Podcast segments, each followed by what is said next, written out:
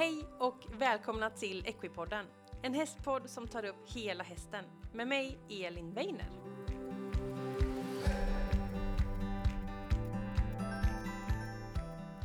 Varmt välkommen tillbaka till ett nytt avsnitt av Equipodden. Och idag är det tema hoppning. För vi ska få träffa och eh, lyssna på hoppryttaren Irma Karlsson. Och Irma hon rider i B-truppen i landslaget på och har jättemycket fina resultat och är så otroligt duktig. Jag fick komma hem till Irma i Skåne och prata med henne. Och vi pratar om eh, hennes eh, resa dit hon är idag, hennes filosofi kring ridning och framåtbjudning. Och vi pratar om vilka hästar hon har i stallet och det är liksom utmaningarna med att ha de unga hästarna till den lite äldre hästen som är hennes första häst just nu. Vi pratar också om träning, hur hon tänker på en träningsvecka och uppladdning inför tävling och sen själva tävlingarna såklart. Ett jätteroligt härligt avsnitt med en otroligt duktig ryttare och det är så kul att få ha sådana här intervjuer där man verkligen får dyka in i någon och få höra dens filosofi och tankar om ridning och hästar. Så ja, det är helt enkelt dags att köra igång veckans avsnitt med hoppryttaren Irma Karlsson.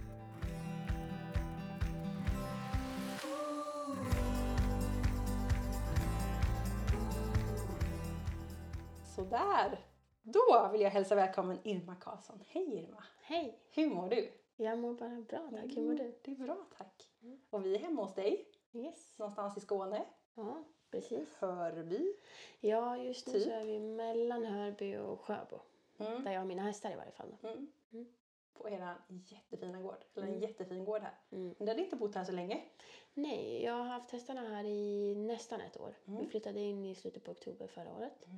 Och det är en elev till mig och hennes familj som bor här. Mm. Mm, och jag är jätteglad och tacksam att jag kan vara här. Så, och vi trivs väldigt bra. Det är Ja, en vad jättebra härligt. miljö för hästar och människor. Och, Ja, otroligt vackert. mm. Så vackert Mm. när jag kör det här. Det är en liten grusväg så man kör ju också lite långsamt så man hinner ju se allting. Mm. Och vackra träd och mycket ängar och åkrar och Mm. de här riktigt stora träden. Jag tycker det är väldigt fint. Mm. Ja, men det är väldigt fint. här. Mm.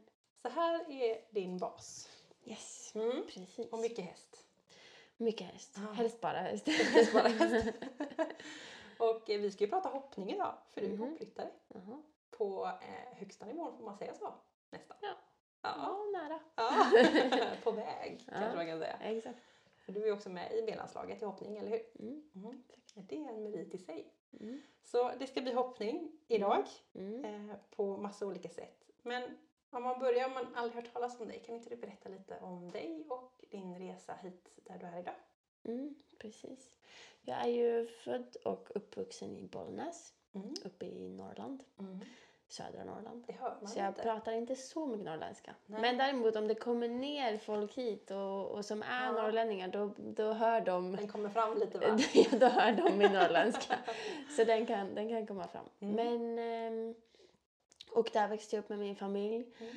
Eh, anledningen till att jag började på med hästar var väldigt mycket för att min syster höll på lite grann. Har inte direkt eh, föräldrar som är hästintresserade. Mm. Eh, men eh, ja, började på ridskola. Tjatade till mig min första ponny. Som så många andra. Mhm, Tjatade länge. Ja. Ehm, när jag var tio år tror jag. Mm. Fick min första ponny. Och eh, började faktiskt med fälttävlan. Mm. För jag var ju rätt tuff Ja, när jag var mindre. Det har liksom gått successivt neråt. Eller ja, jag vet inte men jag tror det. Ja. Ehm, men eh, jo, så min första tävling var fälttävlan. Det är ändå jäkligt coolt. Mm. Det var ju roligt och jag hade en tuff ponny och jag Mm. var själv ganska liksom Mm. orädd. Mm. Eh, dressyren var inte så roligt tyckte jag. Nej okej, det var en bisyssla. Ja, och min häst kunde inte gå på tygel och Ja. allt vad man pratade om och sådär. Så, men terrängen var rolig. Ja. Och hoppningen då såklart. Mm. Men ja, till slut så insåg jag då att dressyren inte var så rolig. Eller Just det. hoppningen specifikt var Mm. rolig. Så då um, ja, bytte jag Mm. till det. Då blev det bara hoppning. Mm. Mm. Och sen blev det bara mer och mer hästar. Mm. Eller ponnysar till att börja med. Mm. Ehm, och sen så kom jag väl upp på en viss nivå. Jag, det var ju lite svårt. Jag, vi gjorde ju väldigt långa resor hela Mm. tiden. Jag tänker, det måste vara jättelångt. Ja, och man kunde ju liksom kliva upp tre på morgonen för att köra enkel Ah. resa fyra timmar Ah, till gud. vart det nu var. Och Ah. man skulle liksom rida ridsport ponnycup eller det var Globen-kval man skulle göra. Och, Precis. ja. Så det var ju mycket Det blir resor. slitigt i längden. Ja. Mm. Ehm, och sen när jag kom upp på storhäst, jag gjorde något SM tror jag som junior, red Mm. någon gång i Skandinavien och lite så här. Så jag fick ju lite så smak på Lite den. känsla. Mm. Och sen um, anledningen till att jag flyttade ner hit egentligen var att jag praktiserade hos Douglas och Agneta Lindelöf. Mm. Var där i två veckor och sen blev jag erbjuden jobb. Mm. Eh, Så då gjorde jag så att eh, jag flyttade ner Mm. dagen efter studenten och tog jag lasset, Ja. eh, B-kortsbilen. Jag hade nog två hästar med mig, två Mm. eller tre tror jag. Mm. Och eh, ja, började jobba Mm. på halvtid och eh, gjorde mina egna hästar och Mm. sen så, ja det är väl på den vägen jag har hamnat här egentligen. Mm. Och eh, var där i fem år och sen började jag helt och hållet mitt eget. Och eh, ja, det har hänt massa grejer på vägen liksom. Eh, nu är jag här och ehm, har... ja, det går ju väldigt mycket upp och ner antal med hästar. Men just nu så är det ju kanske eh, runt sex hästar bara. Mm. Brukar ligga uppemot tio kanske. Mm. Men sex hästar är nog ganska många. Ja, det är Mm. ändå tillräckligt. Och så nu på sommaren så är det några som kanske är på bete och Just några är på lösdrift. Ja. Och sådär.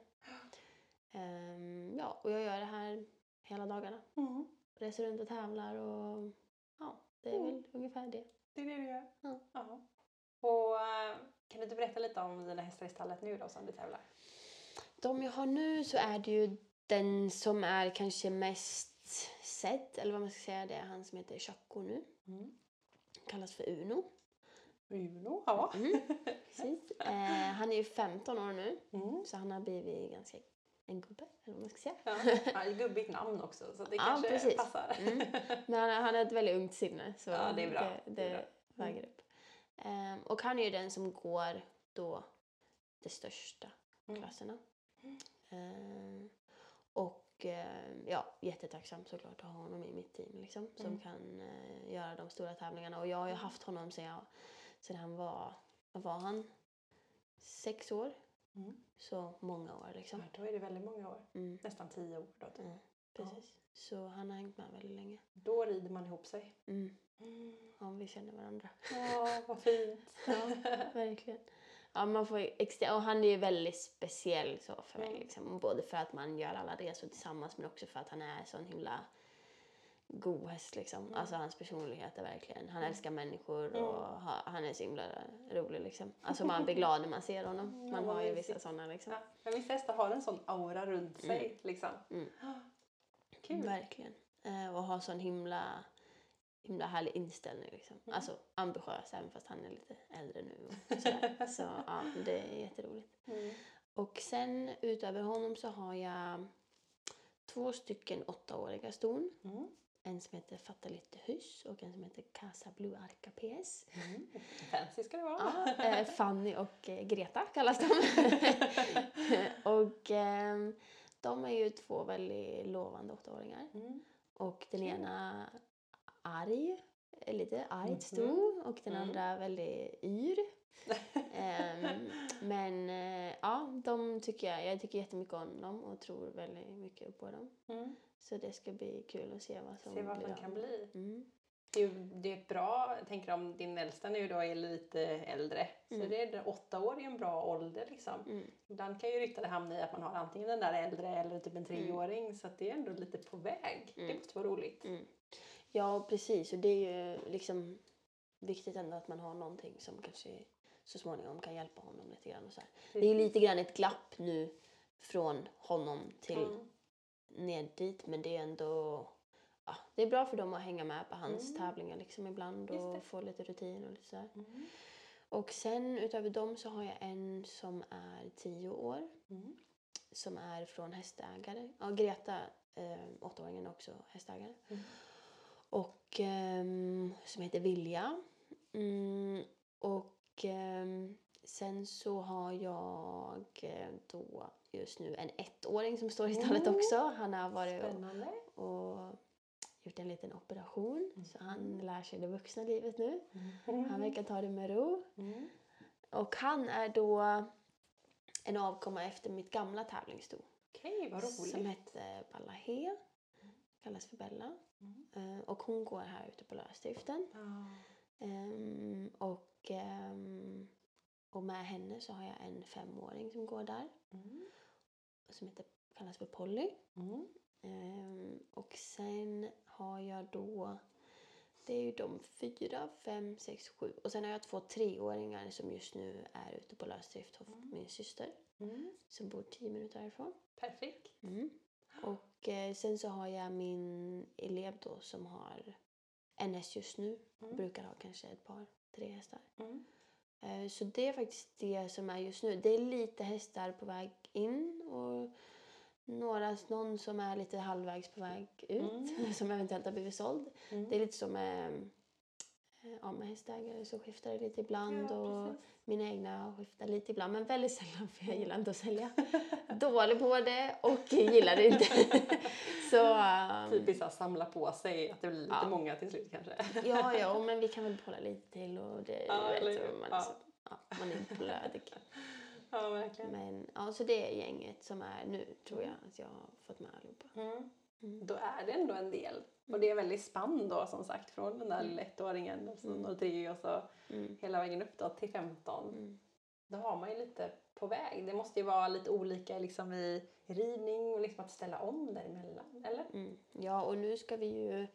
Jag gjorde ju, när jag började hos Lindelöf så gjorde jag ju en del inridning, inhoppning och sånt. Mm. Men det var länge sedan jag gjorde det nu för jag har varit ute och tävlat så himla mycket. Mm. Jag har haft hästar som kanske ska ridas in eller så men jag har varit ute och rest så mycket så det har inte varit Nej, rimligt att jag ska göra det eftersom att det har, blivit, det har inte blivit så kontinuerligt. precis. Ehm, Men nu, Svårt att hinna med båda delarna liksom. Exakt. Mm. Det blir ju lite rörigt för hästarna också tror jag. Mm.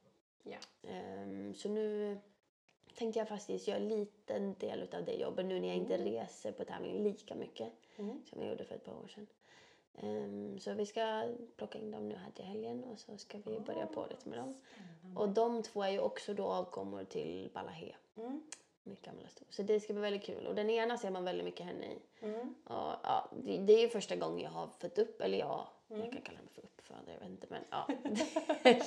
Försöker i varje fall. Jag hade väldigt tur första året, det gick väldigt enkelt. och sen har det gått inte lika enkelt.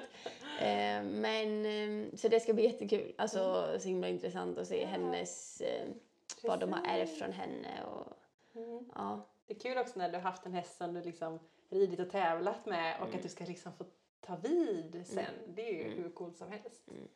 Ja, och hon var ju sånt himla...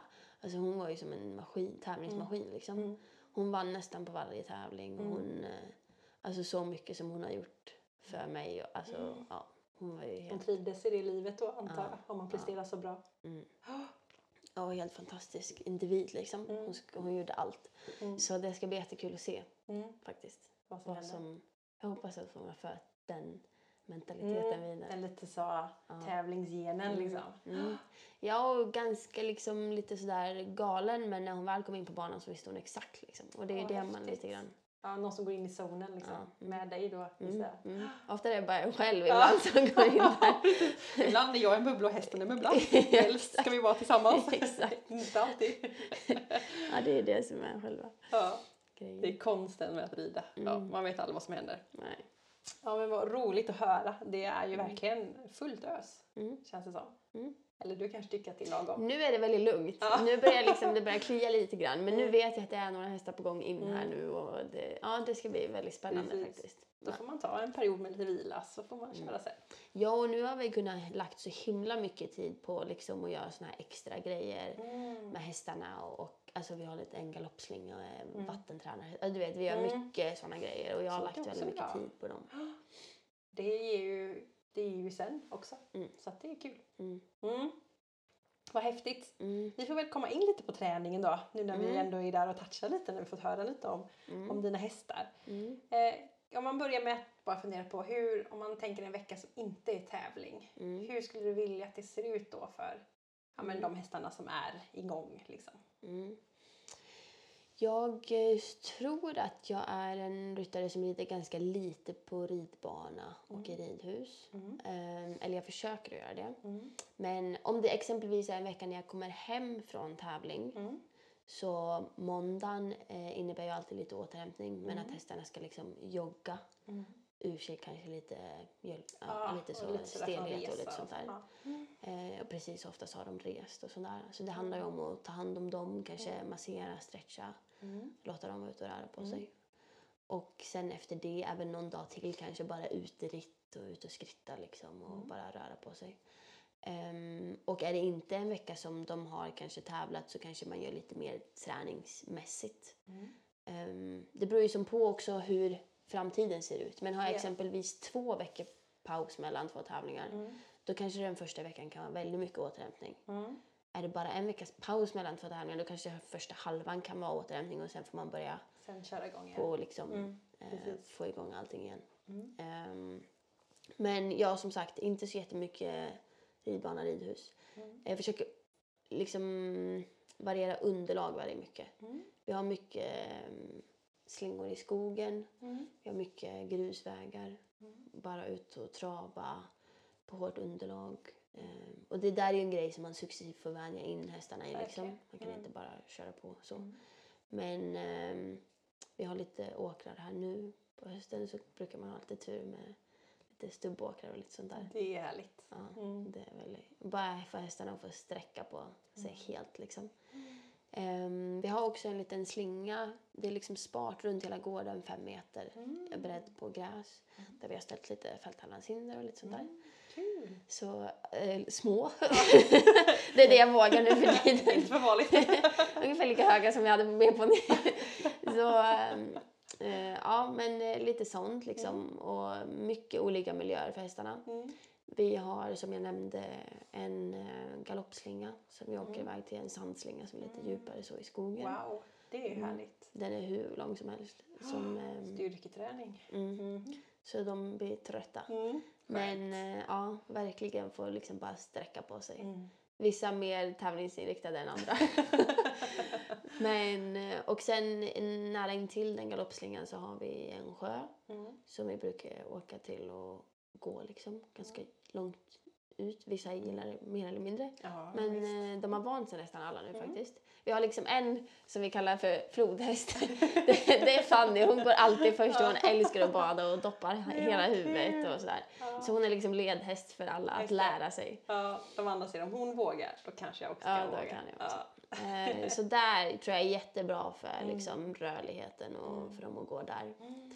Ehm, men sen så skulle jag väl säga att jag kanske gör en normal vecka ett hopppass. Mm. Gärna med min tränare. Jag tränar med Lennart Lindelöf. Mm.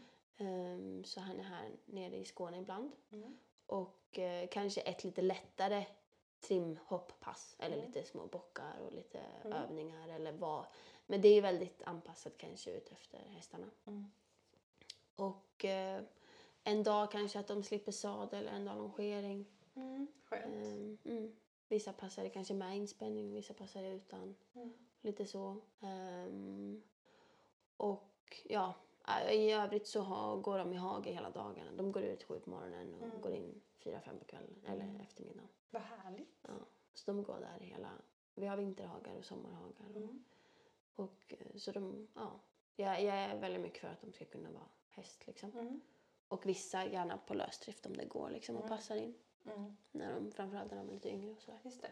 Och hade till och med, det fick jag liksom verkligen släppa på min, mitt kontrollbehov. Men i somras hade jag till och med ett par hästar som sov ute. Mm. Och en tävlingshäst. men var, så, man är inte så van det men eh, hon var lite, eh, vandrade mycket i boxen. Ja, Så då valde vi att göra det och hon blev en helt annan häst. Liksom. mm, Så, vad härligt. mm, Hon berättar något för er helt enkelt. Ja. Att det var något som inte riktigt... mm, Så får man testa. mm. Och sen till slut så såg man hur hon blev lugn. Så sen njöt hon av att komma in i boxen istället. Ja, ja men det brukar vara så när de har varit ute så bara äntligen, Ja. jag kommer in. Tack och lov. ja men faktiskt. Ja. Nej, men det känns som att du tycker att, att hästen på något sätt ska vara häst i- Mm. mitt i allting. Mm. Mm.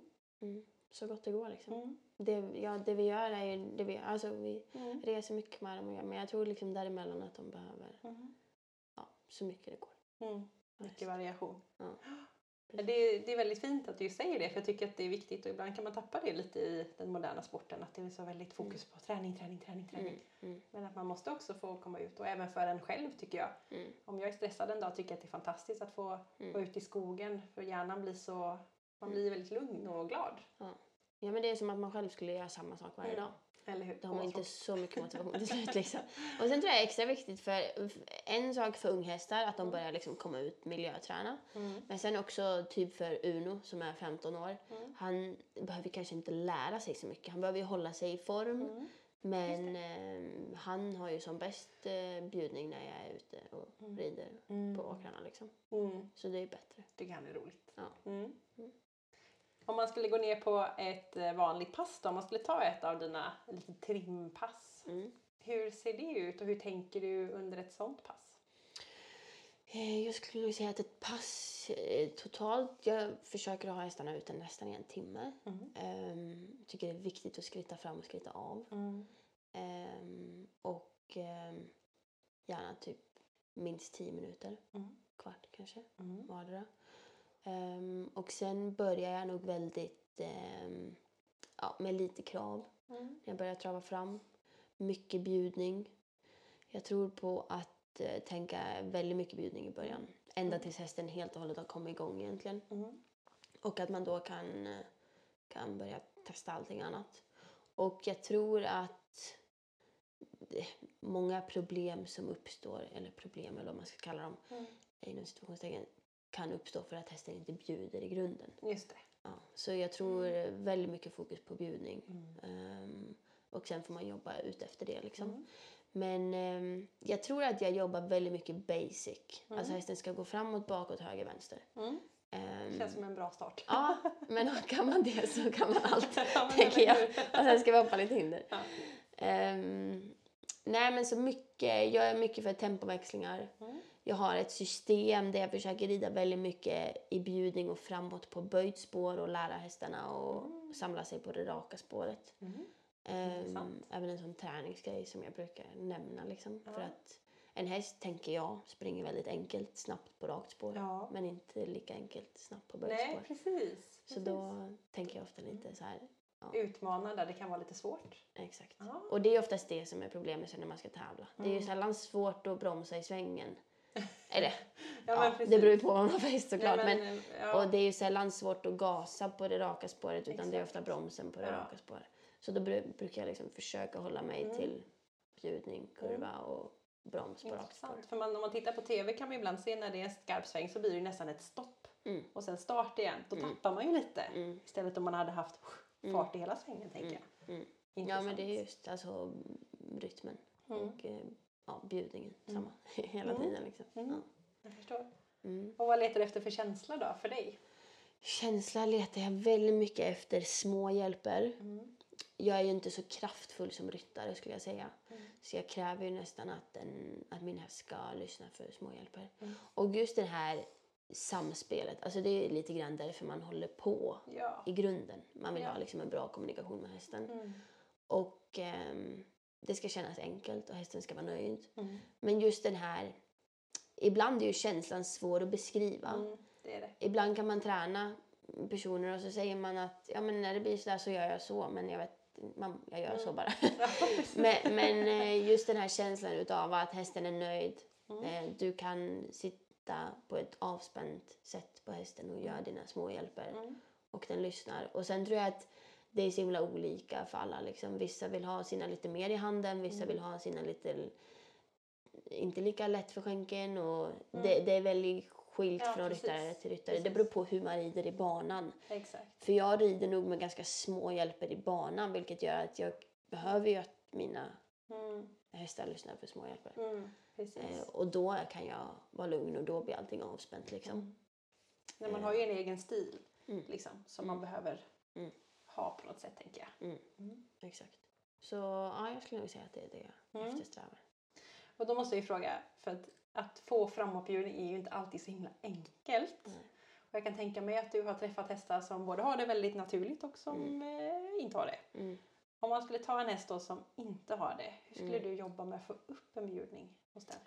Först skulle jag nog känna efter lite grann kanske om det sitter liksom lite mentalt Mm. eller om det faktiskt är. Kroppsligt Mm. eller om det är att den faktiskt är lat. Mm. Alltså, eller ja, Bekväm. ja bekväm. Så kan man väl säga. ja men och det är ju nästan alla människor och hästar Jajamän. någonstans liksom i livet.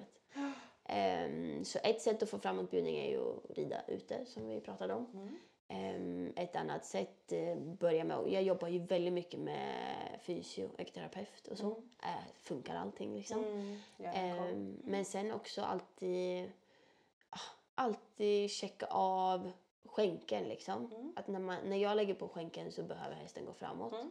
Och gör den inte det så kanske man måste gå lite grann till det extrema. Mm. Och jag tror också att det handlar ganska mycket om släppa kontroll. Mm. För ibland kan man ju sitta på en häst som springer men den är inte framme. Mm.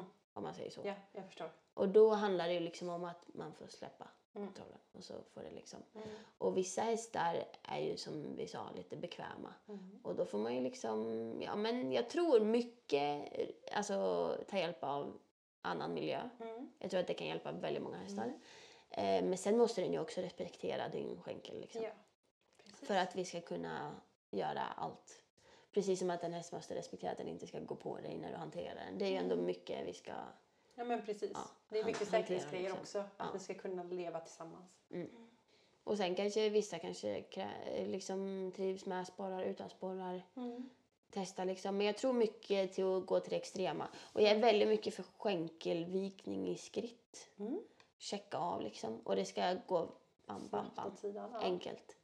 Och jag tror att en väldigt viktig grej om man känner att man inte får så bra reaktion för skänken är att man inte nöter. Mm.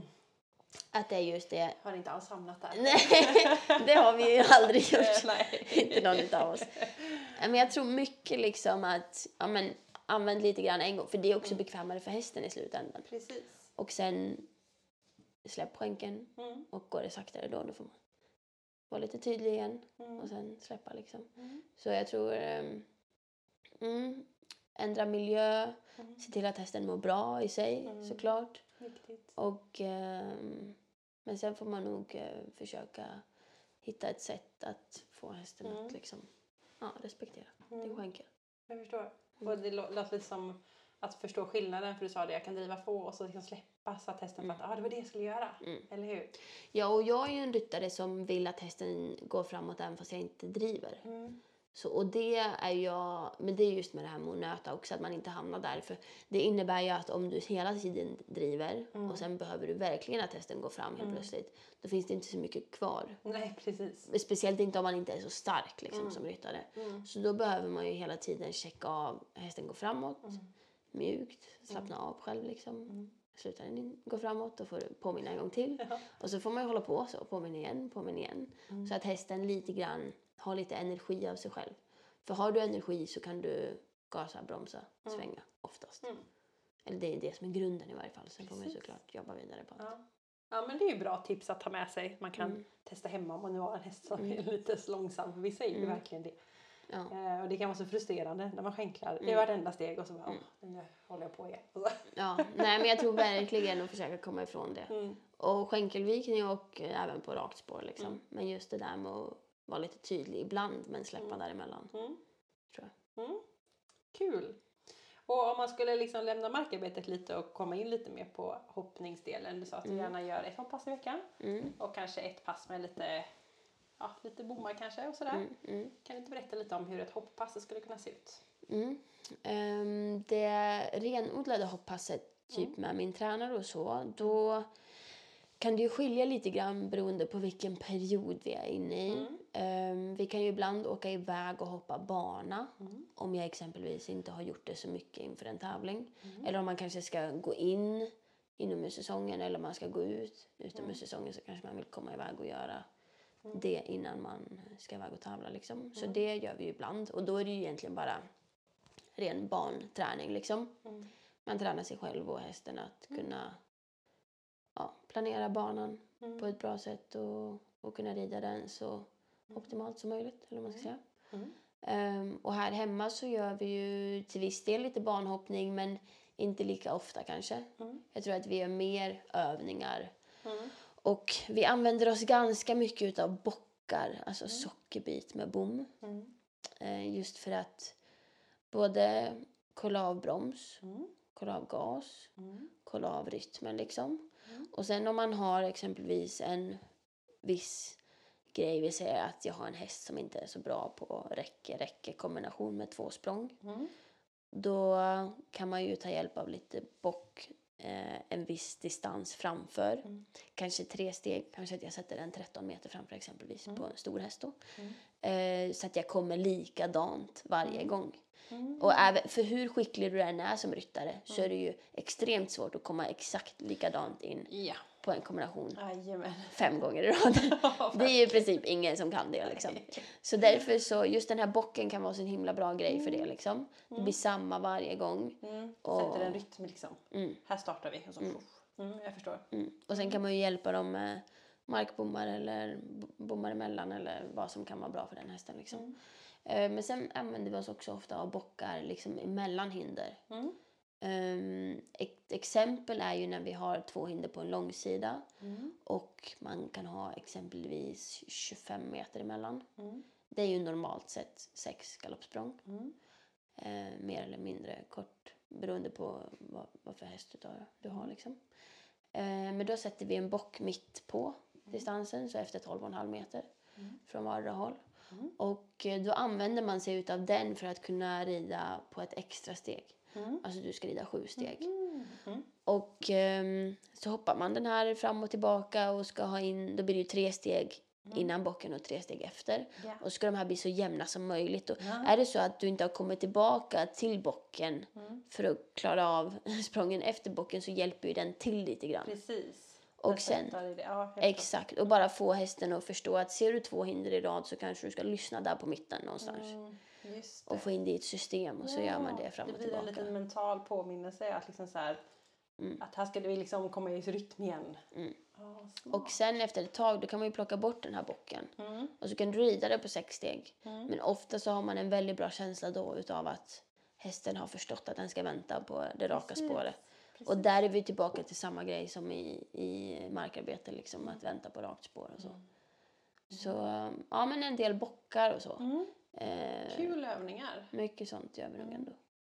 Men det är inte så ofta att hoppa höjder och så utan det är ju mer, Nej. det låter som lite detaljarbete. Ja, Är mycket. Ja, men det är ju mycket det. Ja. Alltså systemet i sig ehm, är ju grunden. Mm. Bjudning Mm. och eh, gas och broms. Mm. Höger, vänster, precis som jag sa. Mm. Liksom. Ehm, så när... Ja, i, eh, bjudningen behövs ju först. Mm. Och sen efter det så är det ju mycket sånt här detaljarbete. Mm. Och sen får man ju hela tiden eftersom, jag får ju påminna mig i princip varje tävling liksom, just det, bjudning skulle du ha, Ja, bjudning skulle du ha. Vi är ju alla där liksom, Ja, hela tiden. Ehm, nej, så mycket sånt. Mm. Så det är ju det, det faktiska hoppasset. Och sen kanske jag gör ett till pass som är kanske... Ja, men små, jag gillar att göra volthinder liksom. Och bara träna min egen rytm och hästens förmåga att gymnastisera sig åt både höger och vänster. Typ oliksidiga hästar är ju väldigt bra att kunna hoppa på volt. Sen kan hindret vara 20 centimeter eller det kan vara Mm.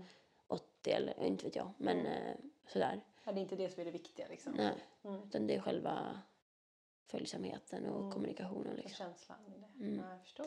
Och sen kan det ju vara, det andra hoppasset på en vecka kanske kan vara något specifikt som den hästen behöver öva på. Mm. Som jag sa innan, kanske en viss kombination Mm. eller kanske någon behöver hoppa vattenmattor eller Mm. ja, lite Och sådana det är där. saker du upptäcker liksom i träning och på tävling. Typ att eh, det här funkar inte eller den här hästen tycker det här var svårt. Eller så. Har du någon dokumentation på det eller kommer du ihåg allting? Nej, jag har nog alltid i huvudet. Det är coolt ändå. Mm. Vissa är så himla... Jag är sån här, om jag inte skriver ner det, då har jag glömt det. Ja. Nej men jag är så med, med saker som inte är så viktiga. men mina hästar, De är jätteviktiga. ja men sånt som jag behöver göra om jag ska skicka ett papper Ja, någonstans ja. eller så. Jag har ju en väldigt lång to-do-list i min telefon. Det är så va? Som man liksom bockar. Och så fort jag kommer på något, det har man ju lärt sig liksom. Att Då så att fort jag kommer på det, då måste jag skriva ner det då.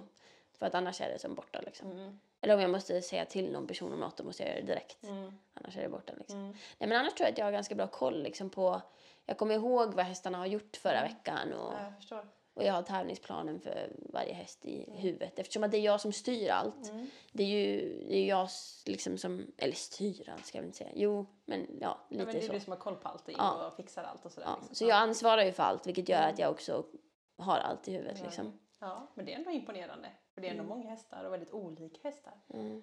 Ja. Mm. Jo men det. Mm. Och sen mycket studs också gör jag nog, Mm. skulle jag säga. På den Mm. där lite ehm, Lite snälla, Mindre dagen, så att hoppas. säga. Ja, precis. Den mindre dagen. Just det. Mm. Och det är för också lite gymnastik gissar Ja. Och styrka. Mm. Mm. Kvickhet och att de ska vara liksom uppmärksamma Mm. egentligen.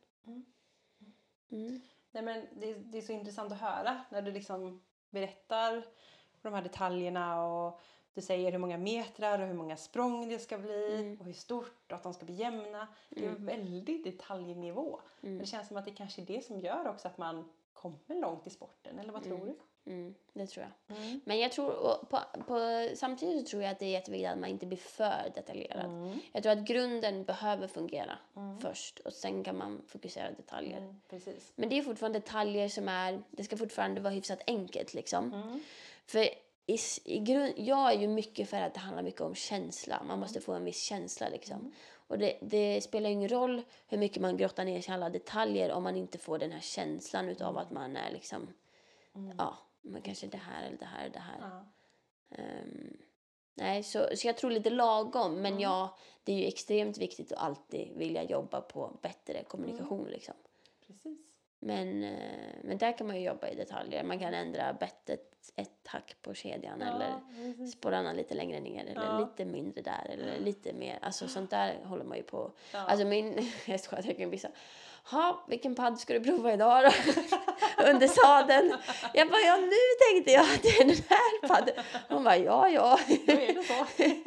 Ja men då, då hon har liksom förstått det här med att jag har liksom idéer. Så har jag Mm. funderat då och så Ja, kommer man göra någonting. Och då måste man ju prova för annars får man liksom inte bort den tanken. Ja, precis. Och det är då man hittar vägen också tänker Ja, jag. Om man bara säger så här, jag ska bara göra det här, då kommer jag aldrig framåt om jag bara gör samma hela tiden. Nej. Måste ju testa. Ja. Ja, vad roligt. Ja, man måste nog göra fel ibland för att det ska bli rätt. Ja, men eller hur. Och det gäller att komma ihåg det. Mm, ja. Ja, men vad häftigt. Mm. Ehm, Så det är en väldigt varierad träningsvecka. Lite ute, lite på banan och Mm. lite hoppning. Mm. ja men alltid skulle jag säga liksom. Mm. Och sen är det ju de tävlingsveckorna som blir lite mer Mm. enformiga om man ska säga. Precis. Men är trimmar och lite sådär. Mm. Jag tänker vi tar oss in lite på tävlingsveckan då. Mm. tävling, för det är ändå kul att prata om. Ja. Eh, om man tänker så här då, det ska vara tävling på helgen. Hur ser liksom uppladdningen ut för hästen? Om det är Mm. till exempel på en lördag. Mm. Om jag ska tävla, då är det ofta runt omkring här då, kanske Mm. på en lördag. Eh, då skulle jag säga att jag normalt sett kanske gör sista hoppasset på en häst kanske på onsdagen eller så. Sen kan det vara tisdagen ibland och torsdagen ibland eller sådär. Mm. Och ibland kanske jag till och med gör någon liten grej. Eh, en sån häst som jag annars känner på tävling att den kanske är bäst nästan andra dagen. Då kanske jag gör lite små Mm. precis. markarbetsgrejer dagen innan. Det gör man första dagen hemma liksom. Mm, precis. Eh, om det är så att man inte ska tävla så många dagar. Annars får man ju lite grann spara på det liksom. Ehm, ja, så hoppa då. Och sen, jag är nog en sån som vill ha ganska mycket energi i hästarna på tävlingsdagen. Sen kan man ju ha säkert lite vilda hästar och då kanske man inte jobbar lika mycket så. Men, men överlag lite energiska hästar på, på dagen de ska tävla. Så ganska lätt pass dagen innan. Eh, egentligen bara att de ska jogga genom kroppen. Typ som min äldre häst, han kan jag rida ut dagen innan liksom. Han får bara vara nöjd. Ja. och eh, lite sådär. Mm. Ehm, men eh, kanske jag skulle ändå säga lite mer trimning den veckan när man ska tävla än vad jag normalt sett gör annars om det är en återhämtningsvecka. Mm. Ehm, men annars gör jag inte så mycket annorlunda. Mm. Duschar och friserar. Och ja, det är det också. men annars så skulle jag nog säga att, ehm, ja men just det där med sista hopppass, jag tycker ändå att det är viktigt att de har fått hoppa liksom. Mm. Så att de ändå är redo för sin uppgift. Mm. Så att de vet vad, de ska, vad som väntas liksom. Gör du någonting själv att du ska ladda upp eller det men, liksom mentalt inför tävling? Ja, alltså jag jobbar ju ganska mycket mentalt. Mm. Eh, sen jobbar jag kanske mer i det i perioder när jag har väldigt viktiga tävlingar. Mm. Och när jag åker iväg så har man ju ofta lite mer tid för det liksom. Mm. Eh, för ibland så reser vi redan måndag kväll eller Ja, ja, sådär. Och så kör jag. Jag kör ju ofta på natten och sådär. Men sen så när man kommer fram så har man ju ofta lite lugnare. Mm. Eh, men jag, så mycket mentalt och jag, eh, gillar ju när jag har viktiga grejer, om jag verkligen vill vara sharp liksom.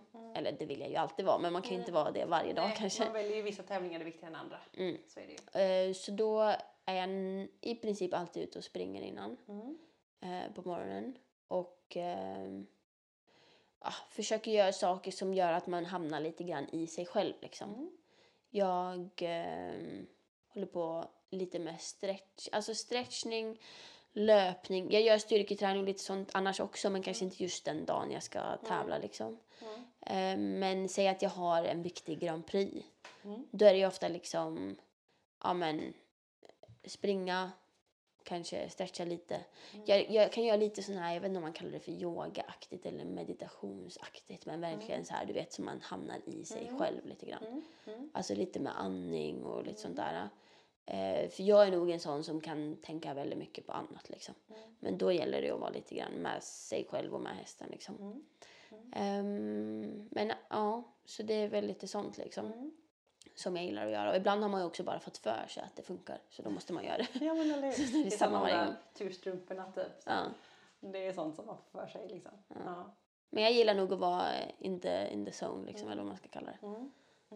Vara lite i sig själv.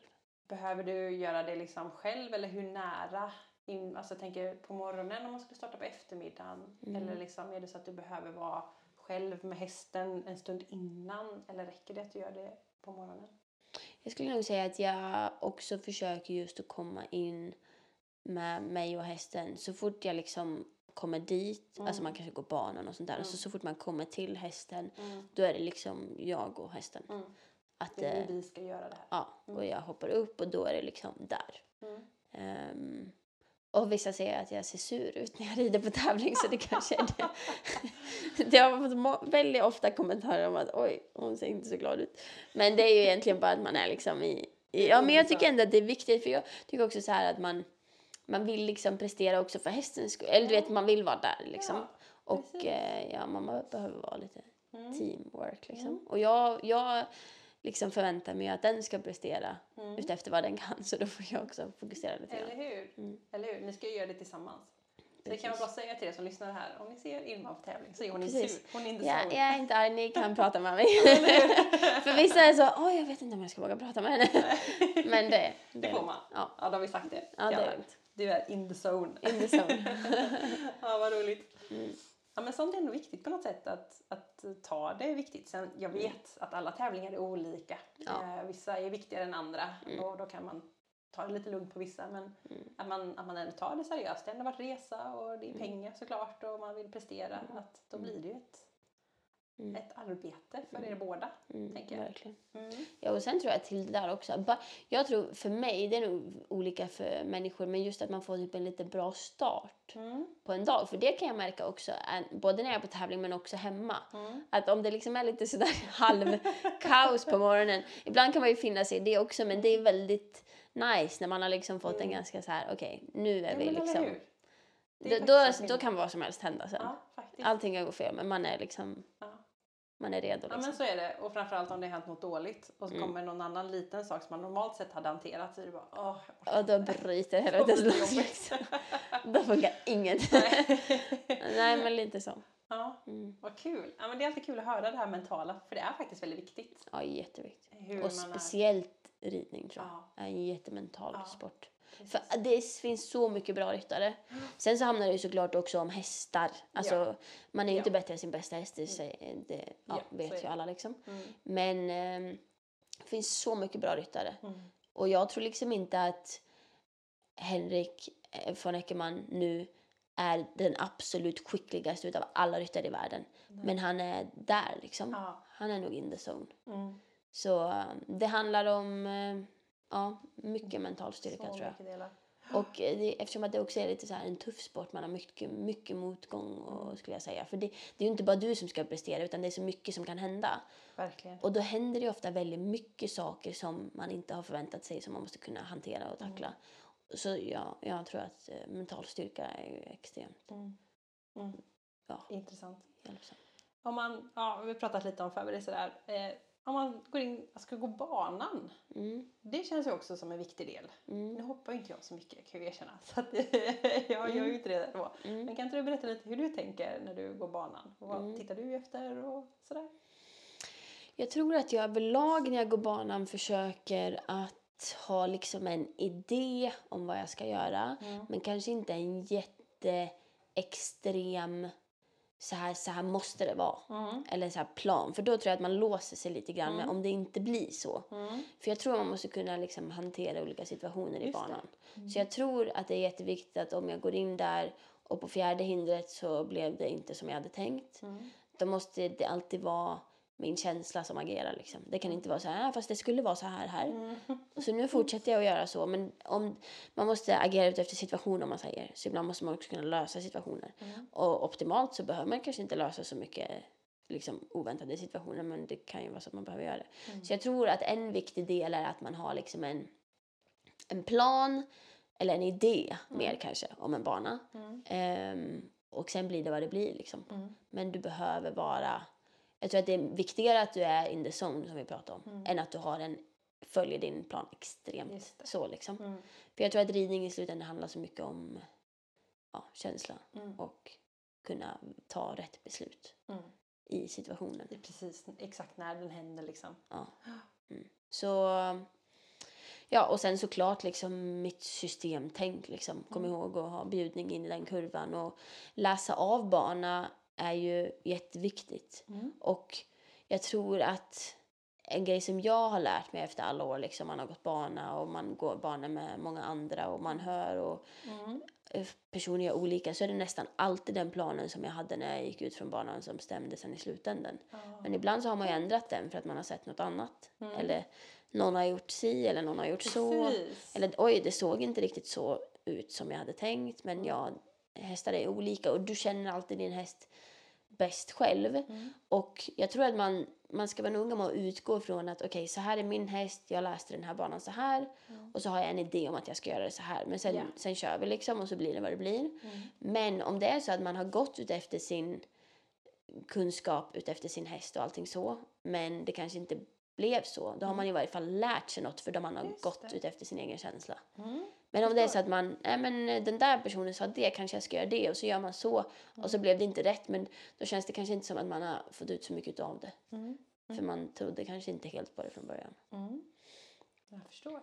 Så, ja, jag tror. Mm. Jag fattar. Ja, men det, det är väl det. Alltså det du säger, det viktigaste är att, att man får ta beslutet där Mm. det kommer. Liksom. Man har Mm. en plan och så Mm. får man vara flexibel i det. Mm. Det tror jag är ändå viktigt. Mm. Och så går vi över och då så ska vi hoppa upp och börja rida fram och hoppa fram. Mm. Hur tänker du där? Samma sak som alltid liksom. Försök så gott det går att bara vara med dig och din häst. Det är ganska mycket som händer runt, runt omkring Ja. när man är på tävling. Ja. Så bara vara där liksom. Mm. Och sen så ja, fokusera på kommunikationen. Mm. Samma sak som du alltid gör hemma. Mm. Ibland kan det ju vara så att man kanske behöver vara lite mer övertydlig på tävling. Det är så mycket brus liksom. Exakt. Mm. Och sen också kan det vara så här en häst som kanske inte har gjort det så ofta, som är bekväm hemma, som inte är lika bekväm på tävling. Mm. Då kanske bjudningen behöver funka dubbelt så bra Mm. för att det sen ska funka inne på banan. Mm. Ehm, eller bromsen kanske behöver funka dubbelt så bra på framhoppningen för Mm. att den sen ska funka inne på banan. Ja. Det kan ju bli lite så att man kanske behöver lite ibland testa det extrema ibland för att man ska känna sig Mm. trygg liksom. Mm. Men jag tror, ja, checka av allting liksom. Mm. Mm. Vad har du för grejer som är viktiga med din häst? Checka av det. Mm. Så kan ni bägge gå in på banan och liksom vara okej, men nu har vi gjort det vi kan. Mm. Nu kör vi liksom. Nu är det game time. Mm. Så, men annars krångla inte till det liksom. Nej. Det är inte lönt att börja träna där. man, man får göra det man kan liksom. Ja. Det är lite för sent. Man ska njuta av det man har gjort. Ja. Ja. Lita på sin häst. Och, ja. Mm. Och sen inne på banan så är det mycket känsla då förstår jag för dig. mm. Mm. Ja, mycket liksom vara i tillståndet Mm. som du behöver vara i när du går in på banan. Ehm, och som jag sa, liksom agera ut efter situation måste man göra. För att annars, ja, måste vara där mentalt. Och, Mm. och sen kan ja. Och sen man, behöver man ju också bli bra på att hantera motgångar och framgångar och allt Just möjligt. det. Ja, för allt kan ju hända. Ja. Allt kan verkligen hända. Ja. Och det är inte så enkelt. Men sen tror jag också, när man, när man kommer in på banan så man har ju ganska mycket kunskap. Mm. Så bara man liksom lite grann litar på att man har kunskap så kommer den ju oftast fram av sig själv. Mm. Det är inte så att du behöver tänka okej, nu ska jag, fatta höger galopp. Eller alltså, det, det gör man ju av sig själv när man rider i Mm. högervarv. Och det är ju så mycket, nu är det väldigt basic då, men det är ju så mycket som händer av sig självt. Ja. Om hästen drar iväg så bromsar du. Mm. Alltså, du gör ju det, så du behöver nog inte fundera så mycket. Jag tror att många av de bästa i världen, de funderar inte på vad de gör inne på Nej, banan. det Liksom. bara händer typ. De gör sin grej liksom. Ja, De har hästen väldigt... eh, Häst, har bra kommunikation med hästen liksom. Mm. Och eh, så är de väldigt avslappnade. Mm. Mm. Andas och galopperar. Typ. det är det enda de Bara vi andas så Ja. går det bra. Ja men då, då, jag menar det har gjort såna här studier, var det inte på Christian Ahlman, att hans puls typ gick ner när han var inne på banan. Ja, just det. Ja. Det är ju helt konstigt. Och de bästa i världen, de går ut från banan och ser ut som att de liksom har... Ja, typ eh, bara haft en Söndagspromenaden, skrittpromenad i skogen. Ja. Så jag tror att... Och de har ju sån himla tillit till sig själv liksom. Mm. Och jag tror att alla ryttares största utmaning många gånger är att bara ha tillit till att man kan. Mm. Precis som det är en utmaning för mig som Ja. ja. andra liksom. Men de som är där i toppen, om man nu liksom strävar efter någonting sånt så är det ju att de, Mm. de tror ju på att det ska gå liksom. Mm. Annars hade de inte varit. Nej, precis. Mm. Ja, intressant. Mm. Ja, så mycket bra tankar och diskussioner Irma. Väldigt kul att höra dig Mm. berätta om dina, liksom ditt system och dina tankar och sådär. Mm. Och nu är det ju höst snart. Mm. Väldigt snart oktober eh, Ja. faktiskt, när vi spelar in det här i alla fall. Mm. Vad är dina planer framåt och dina mål just nu? Ja, alltså jag har ju alltid som mål att utveckla mig inom allting liksom. Allt ska bli bättre. Ehm, så jag jobbar alltid på alla, alla detaljer liksom och allt jag kan med hästars välmående och ja, min egen mentala styrka bla bla liksom. Mm. Ehm, men ehm, jag vill alltid klättra på världsrankingen. Mm. Eh, just nu så har jag ju mestadels då Uno som Mm. kanske kan hjälpa mig med det. Mm. Så jag får ju kanske tävla lite sparsamt eftersom att han börjar bli lite äldre. Mm. Välja mer. Mm, precis. Så just nu så rent tävlingsmässigt så är det lite en lugn period. Jag var i Warszawa förra veckan. Nej, Mm. förra, blir det nu. Mm. Mm. Eh, och gjorde den eh, Nations Cup-finalen där. Mm. Och eh, det var ju sista utomhustävlingen. Mm. Utomlands så fortsätter de lite utomhus nu. Men nu, nu Mm. kommer jag gå inomhus. Och eh, när det blir inomhus så blir det lite svårare att ta sig in på tävlingar direkt. Liksom. Mm. Det är lite färre tävlingar. Mm. Och ehm, ja, vi får se. Jag har sökt lite wildcards och sådär. Mm. Så vi ska se lite grann vad, vad det blir. Ehm, Spännande. ja, så vi får se och vad inomhussäsongen bjuder på. Men just nu så är det lite lugnt. Jag ska Mm. om någon vecka till Lund och tävla. Mm. Lite hästar och jag ska till Sydslätten den här veckan. Mm. Hoppa. Och då är det lite unghästar och sånt där liksom. Ehm, Ja, sen hade du de där, du skulle ju rida in hästar Ja, visst. också. ska jag liksom riskera livet här. Ja. Så det är den största utmaningen med hösten antagligen. Inte bryta benet och ja. Inte bli sparkad. Ja, nej men så det ska vi också göra. Men sen, jag har sökt lite, så jag har lite wildcard. Så jag hoppas att jag får Mm. göra lite tävlingar. ehm, lite större tävlingar. Se vart du kan dyka upp. Mm. Spännande. Så det ska bli kul. Men Mm. eh, ja, det ska bli lite kul med inomhussäsong nu. Det är lite annan atmosfär liksom. Ja, det är ett annat sätt att tänka tänker jag. Mm. Mm. Typ med Göteborg som Mm. är. Hoppas jag att jag får Det är göra. alltid roligt. Ja, det är en av de bästa Ja, tävlingarna. visst är det det. Ja. Göteborg är himla bra. Det är himla bra faktiskt. På riktigt liksom. bra. Mm. Ja, vad roligt. Eh, jag tänkte att vi skulle börja runda av lite grann. Mm. Och då tänkte jag att du ska få en sista fråga. Mhm. Och om man skulle ta en ryttare som är på någon slags, ja, en lätt nivå och Mm. en på en medelnivå och en som är på väg upp mot kanske svår nivå. Om du skulle ge ett tips till de här tre ryttarna som står framför dig nu, vad skulle du Mm. ge först till den som är på lätt nivå, medelnivå och den som är på väg mot nästa svåra nivå? Mm. Jag skulle nog säga till den som är på um, låg nivå skulle jag nog säga gör så mycket du bara kan och utmana dig. Mm. För i början tyckte jag att det handlade så mycket om liksom bara timmar i sadeln Mm. och ta alla chanser liksom. Mm. Kan jag få rida på den hästen eller Just kan jag få rida på den? Bara vara hungrig liksom. Mm. Ehm, jag tror inte att man måste liksom ta in all kunskap men jag tror att man måste göra mycket. Mm. För det är ju så här också att det finns ju himla många olika system och vissa gör på det sättet och vissa gör på det. Så man kan ju det. inte lyssna på alla liksom. Ehm, men jag tror att vara var hungrig liksom. Mm. Ehm, tror jag till den. Och Mm. sen till medelnivå. Då tror jag nog ganska mycket att kanske att man kommer till den här perioden när man ska börja på lite med mental styrka. Mm. Jag tror ju, viss- vissa tror ju inte på det. Mm. Men jag tror när man kommer dit då kanske man så här, man kan ganska mycket Mm. eh, men man kanske inte kan använda det Mm. alltid. Det. Och man kanske hamnar i situationer som, åh fasiken nu, ja, mm, man är i en grupp och det kanske går bra för vissa, mindre bra för andra och det blir liksom saker som trycker på utifrån och man är i olika situationer. Mm. Så, och, och just att jobba på sitt mentala, det skulle jag tro att det behöver inte kosta så mycket pengar liksom. Nej, precis. Man kan hitta, Det finns jättemycket gratis faktiskt också. ja, det finns så mycket grejer Med och, poddar och böcker och... ja. Mm. Mm. Och sen på, när man börjar komma upp kanske på en högre nivå, Mm. då skulle jag nog säga liksom se över hela ditt management. Mm.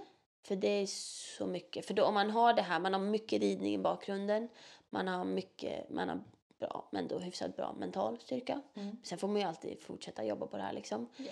Men eh, då tror jag just det här att liksom kan vi ändra lite grann i skoning? Mm. Har jag en bra veterinär? Har jag en bra kommunikation med min ekoterapeut? Precis. Rider jag på olika underlag? Mm. Det, då blir det ju lite med det här som vi pratade om tidigare, lite detaljer liksom. Precis. Utan att hålla på för mycket då Ja, om man ska säga så. Marginalerna blir ju mindre och mindre liksom från den Ja. som vinner och den som kommer ja, Mm. sist. Så då blir det ju verkligen viktigt att ha det där, det där lilla spetsiga. Exakt. Mm. Ja, och jag skulle säga att idag så räcker det inte att vara världens bästa ryttare. Nej. För du måste ha, om du inte vill jobba dig mot alltså en lång väg och äga hästar själv eller om du inte har möjlighet till att göra det.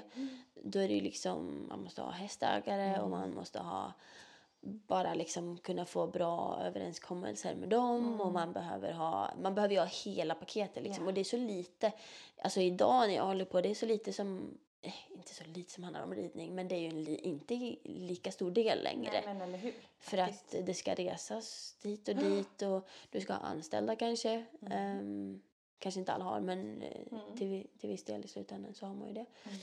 Och ehm, ja, just bara bygg på alla stenar liksom. Mm. För att eh, du kan inte bara vara bäst på att rida. Nej precis. Mm. precis. Även om det är bara det vi vill Ja, egentligen. ja, ja det vill man bara rida.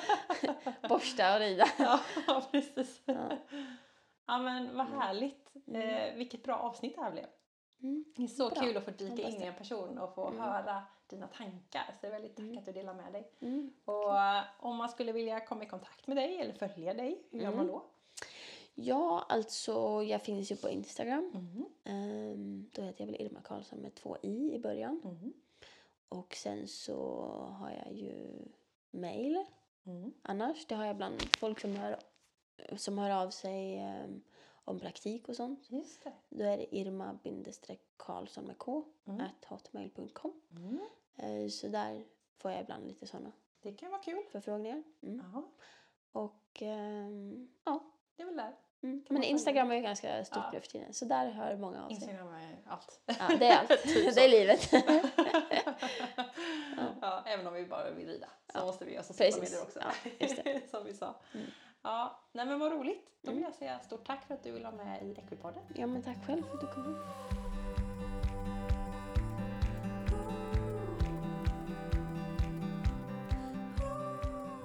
Ännu ett fantastiskt avsnitt till ända. Tack Irma för att du vill vara med i Equipodden. Och tack till dig som har lyssnat. Så kul att du väljer att lyssna på Equipodden. För eh, det gör mig väldigt, väldigt glad och det gör att jag kan hålla på med det jag gör. Så stort tack för att du vill lyssna och hänga med mig varje vecka. Nästa vecka så är det faktiskt tema hovar på tema. Eh, det är ett så sjukt bra avsnitt som kommer nästa vecka. Jag satt lite i så här chock när jag spelade in det, så det vill ni inte missa för er som vill lära er lite mer om hästens eh, fötter.